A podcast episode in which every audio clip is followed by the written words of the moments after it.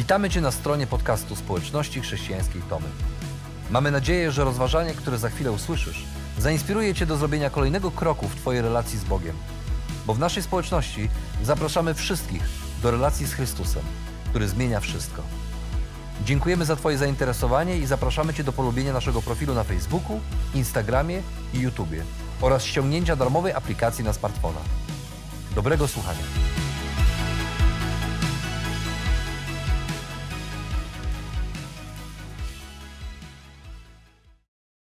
Takie nieszczęścia, które spadają na nas niczym grom z jasnego nieba. Młode małżeństwo e, dowiaduje się, że serce dziecka e, w łonie matki przestało bić i życie wyczekiwanego maleństwa skończyło się, zanim tak naprawdę na dobre się zaczęło. Albo pewien mężczyzna kończy swoją piątkową zmianę i odlicza już minuty do końca pracy, kiedy będzie mógł wrócić do domu i zacząć weekend ze swoimi dwoma synami, będzie mógł ten weekend z nimi spędzić w radości, na fajnych aktywnościach, ale nagle zostaje wezwany do kierownika i dowiaduje się, że od poniedziałku może zacząć szukać nowej pracy, bo firma plajtuje i muszą zwolnić połowę personelu. Rodzina czeka na ojca z obiadem. Gdy nagle dzwoni telefon, okazuje się, że tata i mąż nie wróci dziś z pracy. Że w ogóle już nie wróci, bo jego auto zderzyło się z jadącym e, z naprzeciwka autem prowadzonym przez pijanego kierowcę, powodując śmierć na miejscu. Są takie nieszczęścia, które spadają na nas niczym grom z jasnego nieba.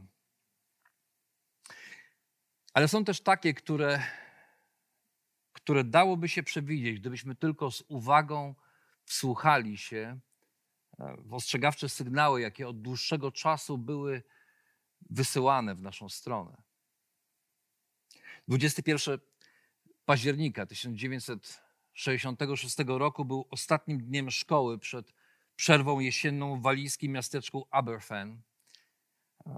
Większość mieszkańców w tym miasteczku pracowała w kopalni węgla, która znajdowała się bezpośrednio nad Aberfan. Nagle w wyniku ulewnych deszczy 150 tysięcy metrów sześciennych hałdy węglowej zaczęło osuwać się w stronę miasteczka z ogromną prędkością. Lawina odpadów górniczych zniszczyła gospodarstwo i 20 domów szeregowych wzdłuż ulicy Moy Road oraz uderzyła w północną część szkoły podstawowej, w której przebywały dzieci, nauczyciele. Budynek szkoły został zasypany warstwą około 10 metrów, a pod gruzami znalazły się 144 osoby, 28 osób dorosłych, 116 dzieci w wieku od 7 do 10 lat. Niemal połowa uczniów całej szkoły. Ktoś powie, no, wypadek. Takie rzeczy zdarzają się. To straszne, ale jednak takie rzeczy się zdarzają. Niestety okazało się w toku śledztwa, że przez ostatnie trzy lata lokalne władze wielokrotnie wyrażały zaniepokojenie z powodu składowisk węgla nad szkołą podstawową i ostrzegały państwową spółkę węglową, że brak działań może doprowadzić do tragedii. Jednak e, sygnały ostrzegawcze zignorowano i nie zrobiono nic, żeby zapobiec nieszczęściu. W takich momentach aż, aż chce się zawołać, dlaczego nie słuchaliście? Dlaczego nie uważaliście? Dlaczego nie, nie reagowaliście? Dlaczego nie zrobiliście niczego, żeby ustrzec siebie i innych przed zbliżającym się niebezpieczeństwem? Gdybyście tylko wsłuchali się w ostrzegawcze sygnały, jakie były wysyłane w waszą stronę, można byłoby uniknąć tej tragedii. Bo choć są takie nieszczęścia, które spadają na nas jak grom z jasnego nieba, to są też takie, których dałoby się uniknąć, gdybyśmy lepiej wsłuchali się w ostrzegawcze sygnały, które były wysyłane w naszą stronę. Jednak nie zawsze chcemy ich słuchać. Łatwiej bowiem udawać, że, że nic się nie dzieje, że życie toczy się jak dalej, że właściwie możemy żyć nadal, jakby nie było jutra, jak gdyby nic złego nie mogło się nam przytrafić. I właśnie takim sygnałem ostrzegawczym jest dla nas wezwanie proroka Joela, który drugi rozdział swojej księgi zaczyna od złowrogiego dźwięku trąby, kiedy pisze tak: Zadmijcie wróg na Syjonie, zatrąbcie na alarm na mej świętej górze, drżyjcie mieszkańcy ziemi, nadchodzi dzień Pana. Tak, jest już bliski. Jeszcze dobrze nie wybrzmiało złowrogie brzęczenie skrzydeł szarańczy, które w pierwszym rozdziale swojej księgi wspominał prorok Joel, a które spustoszyło ziemię judzką i sprawiło, że świat nagle zatrzymał się dla jej mieszkańców. Jeszcze słychać było złowieszczy rytm kroków złowrogiej armii, która najechała Izrael, niszcząc wszystko, co było na jej drodze. Jeszcze słychać było jęk zawodzących żałobników, którzy ogłaszali święty post i zwracali się do Boga w chwili trwogi, kiedy prorok, prorok Joel każe ponownie zadąć w trąby na Syjonie. Tym razem zapowiadając nieszczęście, które dopiero ma się wydarzyć. Nadchodzi dzień Pana, woła. Tak, jest już bliski, i w następnych wersetach Joel opisuje zbliżające się niebezpieczeństwo. Pisze tak: Oto dzień mroku, dzień ciemności i mroku, obłoków i gęstych chmur. Nadciąga lud, wielki i potężny, zalewa góry niczym zorza światłem. Podobnego nie było wcześniej i po nim nie będzie większego do najdalszych pokoleń. Przed nim ogień, który zżera wszystko, za nim straszna pożoga. Przed nim ziemia jest jak ogród Eden, po nim jak step spustoszona. Nie ma też przed nim ucieczki. Joel zapowiada kolejny dzień Pana. A dzień Pana to nic innego jak moment Bożej ingerencji w historię. Joel zapowiada kolejny dzień, kolejny moment Bożej ingerencji w historię, ale tym razem jest to moment w dziejach, który dopiero nadejdzie, a jego uosobieniem jest złowroga armia. Armia bez imienia, armia bez narodowości, armia bez sztandarów, armia bez konkretnego odniesienia w czasie, co czyni ją jeszcze bardziej złowrogą, jeszcze bardziej nieprzewidywalną. Na odgłos jej kroków ziemia drży. Słońce i księżyc ciemnieją, gwiazdy tracą swój blask, towarzyszą jej ogień i całkowite zniszczenie, i nikt, absolutnie nikt nie może przed nią uciec. Joel pisze: Ludzie przed nimi mdleją, twarze bledną ze strachu, a ci biegną. Silni i straszni forsują mury, jak doświadczeni w boju. Joel roztacza przed nami apokaliptyczną wizję świata złych wiadomości, ale nie podaje żadnych szczegółów, które pomogłyby nam choć trochę umiejscowić e, te wydarzenia w czasie, wydarzenia, które zapowiada. Czy chodzi o zapowiedź najazdu Babilończyków? Czy to zapowiedź asyryjskiej niewoli? Czy to zapowiedź zniszczenia świątyni przez Rzymian? Czy być może jest to zapowiedź jeszcze innego wydarzenia, które dopiero ma nadejść i na które my ciągle jeszcze czekamy. W tym miejscu dokładnie tego nie wiemy. Ale jedno, co wiemy i co przeraża jeszcze bardziej, to fakt, że oto sam Bóg staje na czele tej złowrogiej armii. Joel pisze, a Pan rzuca rozkaz swojemu wojsku, temu wojsku, o którym właśnie przed chwilą pisał. Ogromny jest jego obóz, potężny wykonawca jego rozkazu. O tak, wielki jest dzień Pana, straszny, kto zdoła go przetrwać? I oto staje się jasne, że to sam Bóg prowadzi potężną armię przeciwko Jerozolimie, swojemu świętemu miastu położonemu na górze Syjon, tej świętej dla Izraela górze. Ten sam Bóg, który do tej pory zawsze walczył po stronie swojego ludu, nagle staje na czele armii, którą wyprowadza przeciwko temu ludowi, dokonując zniszczenia, jakie nie miało precedensu w historii narodu izraelskiego i, i jakiego nie da się z niczym porównać. A co gorsza, trudno znaleźć w tym opisie jakąkolwiek wzmiankę o winie narodu wybranego. Z reguły, kiedy prorocy przemawiali, odnosili się bezpośrednio do tego, co Izrael uczynił źle, co było nie tak, gdzie zawinił.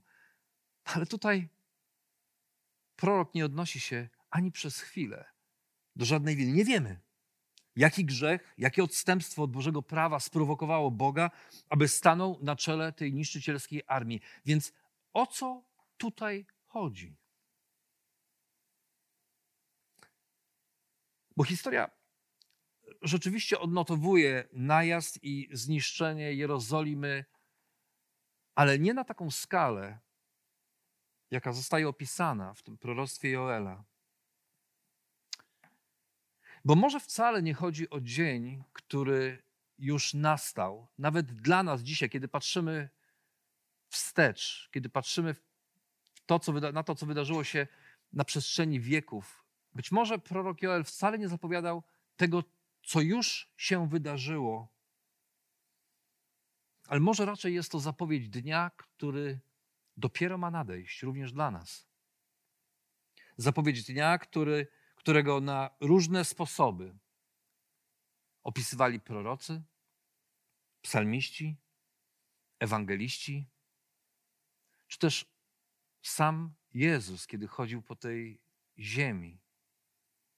Dnia, który wstrząśnie ziemią na skalę do tej pory nieznaną, dnia, który nie pozostawi żadnych wątpliwości co do tego, kim jest Bóg i jak marne są szanse tych, którzy nie posłuchają w porę ostrzegawczego głosu trąby apokalipsy. Dnia sądu. Tego sądu, który dopiero ma nadejść, sądu nad całą ludzkością. I ta zapowiedź, jakkolwiek przerażająca, jest jednocześnie ostrzeżeniem, bo czyż nie po to właśnie stawiamy znaki ostrzegawcze na drogach i urwiskach, żeby uchronić się przed niebezpieczeństwem, jakie czeka na nas, gdy tylko zbyt szybko pojedziemy, gdzieś zbyt szybko pojedziemy autem albo zbyt blisko urwiska podejdziemy? Czyż nie po to w mieście Sydney w Australii zamontowano 98 głośników i 13 znaków w miejscach użyteczności publicznej, żeby w razie niebezpieczeństwa ostrzec ich i pokierować do bezpiecznego schronienia? Czyż nie po to w neutralnej Szwajcarii, neutralnej Szwajcarii, w której zgromadzono największe pieniądze tego świata, czyż nie właśnie po to zbudowano tam system schronów przeciwatomowych, żeby w razie zagrożenia pomóc ludziom przetrwać najgorsze?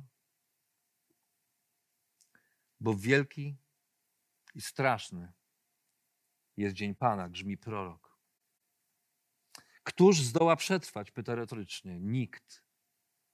Pada jednoznaczna odpowiedź.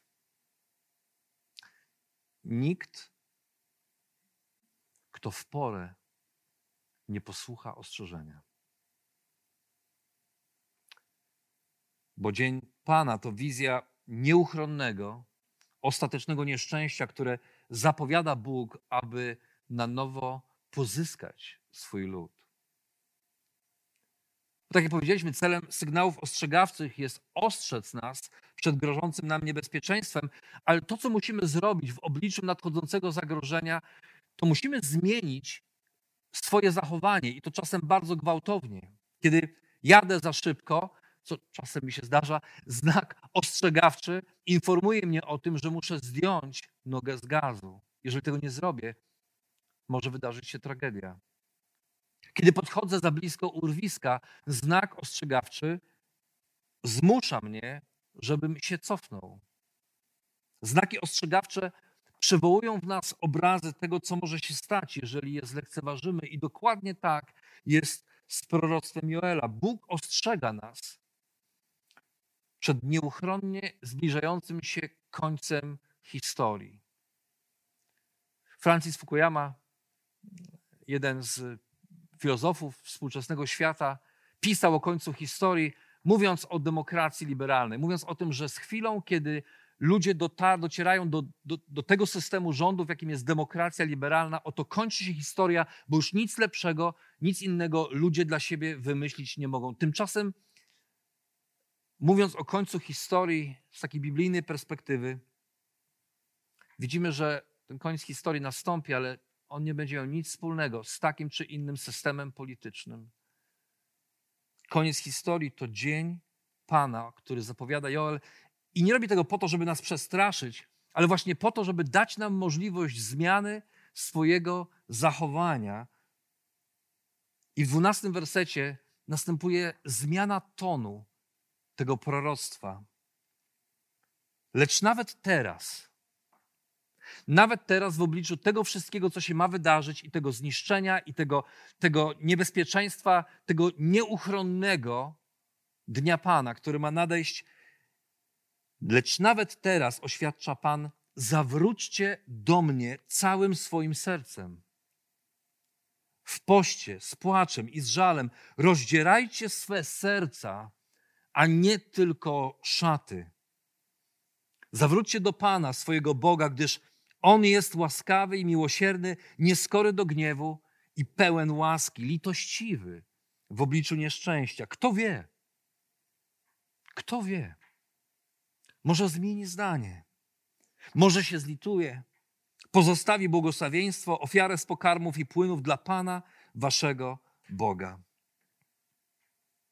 Oto nagle w tym przerażającym obrazie zniszczenia, który ma nadejść, pojawia się iskierka nadziei. Ten sam Bóg, który do tej pory zapowiadał swój gniew, naraz okazuje się Bogiem nieskorym do gniewu. Łaskawym, miłosiernym, litościwym w obliczu nieszczęścia. Tak, Bóg wylewa swój gniew, chce wylać swój gniew na ludzi, na tych, którzy są mu nieposłuszni. Ale okazuje się, że ten Bóg, który chce ten gniew wylać, wcale nie jest taki chętny, żeby to zrobić.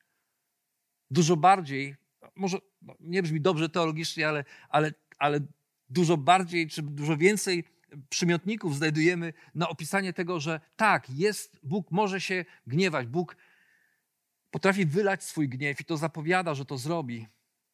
Ale czytam o tym, że jest on w tym wszystkim łaskawy, miłosierny, litościwy i że tak naprawdę do tego gniewu nie jest skory. Bóg nie odnajduje żadnej przyjemności, widząc zniszczenie ludzi, widząc, widząc czy patrząc na klęskę ludzi, którzy są mu bliscy.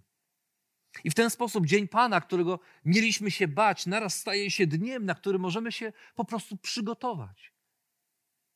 Nie ma w tym żadnej sprzeczności. Zapowiedź wylania się nieuchronnego gniewu Bożego staje się ostrzegawczym sygnałem dla tych wszystkich, którzy chcą tego gniewu uniknąć. Niczym syreny przeciwlotnicze podczas wojny dają nadzieję ratunku i schronienia przed grożącym niebezpieczeństwem. Podobnie dźwięk trąby na Syjonie daje nadzieję ratunku i schronienia przed nieuchronnym dniem Pana tym wszystkim, którzy zechcą Go posłuchać i poszukać schronienia. A co ciekawe, Bóg w żadnym miejscu nie nakazuje swojemu ludowi stawić czoła zbliżającej się armii. Bóg nie mówi wstawajcie i walczcie. Raczej zamiast skupiać się na tym, co zewnętrzne, zamiast walczyć z tym, co na zewnątrz, Bóg wzywa nas, abyśmy wejrzeli do wewnątrz, abyśmy rozdarli swoje serca. Jaki to przemujący obraz. Abyśmy rozdarli swoje serca, zawrócili do Niego całym swoim sercem, nie tylko częścią, nie tylko trochę, nie tylko odrobinę, nie tylko rozdarli nasze szaty pozornie, ale zwrócili się do Niego całym swoim sercem. Nie wystarczy już powierzchowne rozdzieranie szat, które w tamtych czasach było obrazem żałoby. Bóg nie chce Twoich rozdartych szat. Bóg chce Twojego rozdartego serca. Bóg nie chce pozorów zmiany. On chce serca, ponieważ chce zobaczyć i dokonać w tym sercu prawdziwej przemiany. Bo prawdziwa przemiana właśnie tam zachodzi. Ona nie dzieje się na zewnątrz, ona nie polega na, na podtrzymywaniu pozorów, ale sięga głęboko do serca i właśnie tam się zaczyna. I tylko taka zmiana ma szansę odmienić całego człowieka. A tę przemianę Pismo Święte nazywa pokutą. Oznacza ona zmianę myślenia, zmianę tak głęboką, że jej skutkiem jest całkowita zmiana kierunku Twojego życia o 180 stopni. Na zajęciach szkółki niedzielnej e, prowadzący zapytał dzieci, co to jest pokuta. No, trudne pytanie, jak dla dzieci, ale pewien mały chłopiec odpowiedział: To znaczy, że przepraszamy Pana Boga za nasze grzechy. Siedząca obok niego dziewczynka skinęła głową, ale dodała też bardzo przytomnie: Tak, przepraszamy, ale na tyle mocno, że nie chcemy już ich popełniać.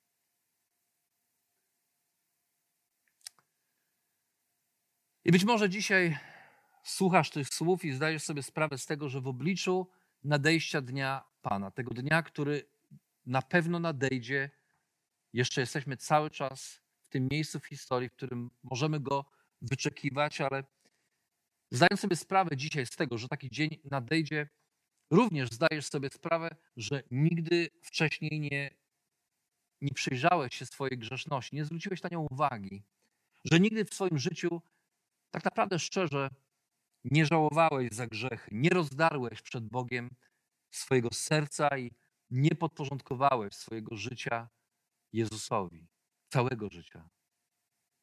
Temu Jezusowi, który na krzyżu Golgoty umarł za ciebie i za twoje grzechy, abyś więcej nie musiał ich już popełniać. I być może dzisiaj jest ten właściwy moment, żebyś to zrobił. A może kiedyś był taki dzień, kiedy pokutowałeś ze swojego starego życia, kiedy rozdarłeś przed Bogiem swoje serce, zacząłeś nowe życie z Jezusem, ale w ostatnim czasie pogubiłeś się i na nowo zacząłeś wracać do starych schematów.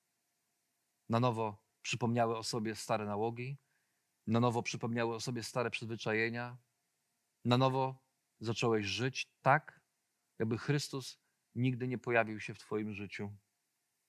Znowu patrzysz w niewłaściwym kierunku i świadomość zbliżającego się nieuchronnie dnia Pana ponownie wzywa Cię, abyś znów rozdarł swoje serce i szczerze do Niego zawrócił.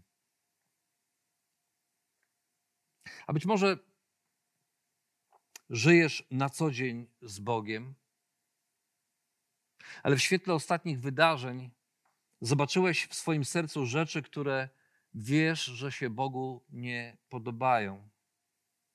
Być może patrząc na to, co od kilku tygodni dzieje się w naszym kraju, przyglądając się temu wszystkiemu, być może cała ta sytuacja, cała ta dyskusja, wszystko to, co się dzieje, zmusiło cię do tego, aby na nowo przemyśleć pewne kwestie w Twoim życiu, nad którymi do tej pory się specjalnie nie zastanawiałeś. Nie myślałeś o aborcji, czym jest i dlaczego, e, dlaczego jest tak przerażająca. Może wydarzenia ostatniego czasu zwróciły Twoją większą uwagę na ten temat. Może nigdy wcześniej tak szczerze nie zastanawiałeś się nad tym, czym jest wolna wola, wola. Kiedy mówisz wolny wybór, to tak lekko to przychodzi, ponieważ wszyscy jesteśmy wolnymi ludźmi i chcemy być wolnymi ludźmi, ale być może w ostatnich dniach, słysząc powtarzane jak mantra słowa wolny wybór, wolna wola, wolna wola, wolny wybór, być może to zmusiło cię do tego, żeby przemyśleć, czym tak naprawdę jest ten wolny wybór. Być może te ostatnie wydarzenia w naszym kraju zmusiły Cię do tego, aby przyjrzeć się temu, czym jest prawda Bożego Słowa w Twoim życiu. Kogo słuchasz, kiedy ciśnienie w naszym kraju podnosi się, kiedy stajemy się bardziej rozemocjonowani, kiedy, kiedy dyskutujemy coraz żywiej, coraz głośniej na Facebooku, co się stało z miłością do drugiego człowieka w Twoim sercu? Co się stało ze współczuciem wobec tych, którzy upadają? Może po raz kolejny odkryłeś, że zbiera w, tobie, zbiera w tobie ogromny gniew i nie wiesz, jak sobie z tym poradzić. Że kiedy ten gniew się pojawia, ty tracisz panowanie nad sobą i być może nie mówisz nic do nikogo, ale swoje żale i złości przelewasz do publicznej przestrzeni, jaką jest, są media społecznościowe. Być może ostatnie wydarzenia naszego kraju zmusiły cię do tego, aby na nowo przemyśleć to, dlaczego się boisz i czego się boisz. Być może przemyślałeś na nowo, czym jest polityka i komu ufasz w swoim życiu tak naprawdę i od kogo uzależniasz najważniejsze decyzje w swoim życiu. I Bóg wzywa cię, abyś ponownie rozdarł swoje serce przed Nim i na nowo przemyślał to, kim jesteś w Chrystusie i jak powinno wyglądać Twoje myślenie, Twoje życie, żebyś mógł o sobie powiedzieć, tak jak apostoł Paweł mówił o, o, o wierzących ludziach, jesteśmy myśli Chrystusowej. Co to dla Ciebie znaczy? I nie tylko myśli, ale też czynu, słowa, działania.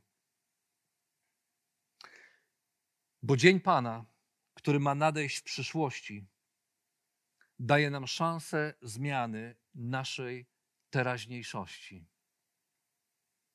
A to wyzwanie jest dla każdego.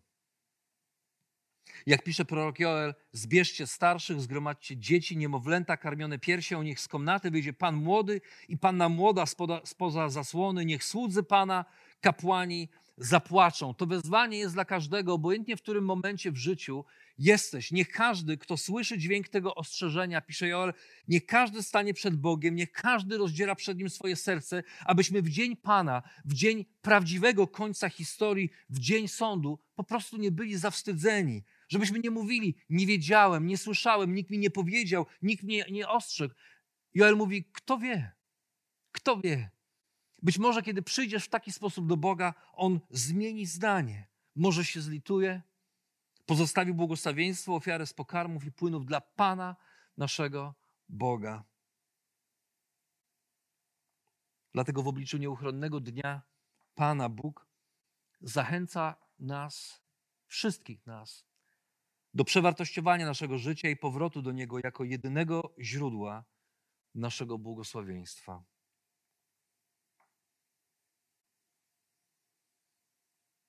Pastor Freddie Fritz wspominał kiedyś swojego przyjaciela i mentora, doktora Bobiego Branta. Pewnego dnia doktor Brandt rozmawiał z Fredim jako młodym pastorem i dał mu pewną wskazówkę. Powiedział tak, kiedy idziesz odwiedzić pacjenta w szpitalu, pamiętaj, że ten pacjent zawsze leży na plecach. A kiedy tak leży, nie ma dokąd spojrzeć, jak tylko w, w górę. I pastor i doktor Bobby Brandt dodaje, w obliczu nie, nieszczęścia pomóż temu patrzącemu w górę człowiekowi wsłuchać się w to, co Bóg mówi do niego, co Bóg próbuje mu zakomunikować. I to dokładnie czyni Joel w swoim proroctwie. Zapowiadając nadejście dnia Pana, każe nam spojrzeć w górę i u Boga szukać ratunku dla naszego życia. Bo w obliczu nieuchronnego dnia Pana miłosierny Bóg zachęca nas do pokuty i odnowienia naszych serc, aby móc dalej nam błogosławić. I to jest dobra wiadomość w świecie złych wiadomości. Są takie nieszczęścia, które spadają na nas jak grom z jasnego nieba. Ale są i takie, których dałoby się uniknąć, gdybyśmy tylko lepiej wsłuchali się w alarmujące sygnały, jakie były wysyłane w naszą stronę. I Dzień Pana to takie właśnie nieszczęście, ostateczne nieszczęście, przed którym Bóg nie tylko chce Cię ocalić, ale w swoim miłosierdziu pragnie okazać Ci łaskę, jeżeli tylko jeżeli tylko przyjdziesz do Niego z rozdartym sercem i w nadziei Jego błogosławieństwa. Tylko, czy zechcesz wsłuchać się w dźwięk ostrzegawczej trąby?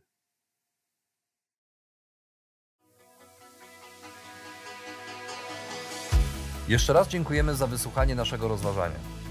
Jeżeli mieszkasz w okolicach Tomaszowa Mazowieckiego lub Łodzi, zapraszamy Cię do odwiedzenia nas na niedzielnym nabożeństwie. Więcej informacji znajdziesz na stronie schatomy.pl.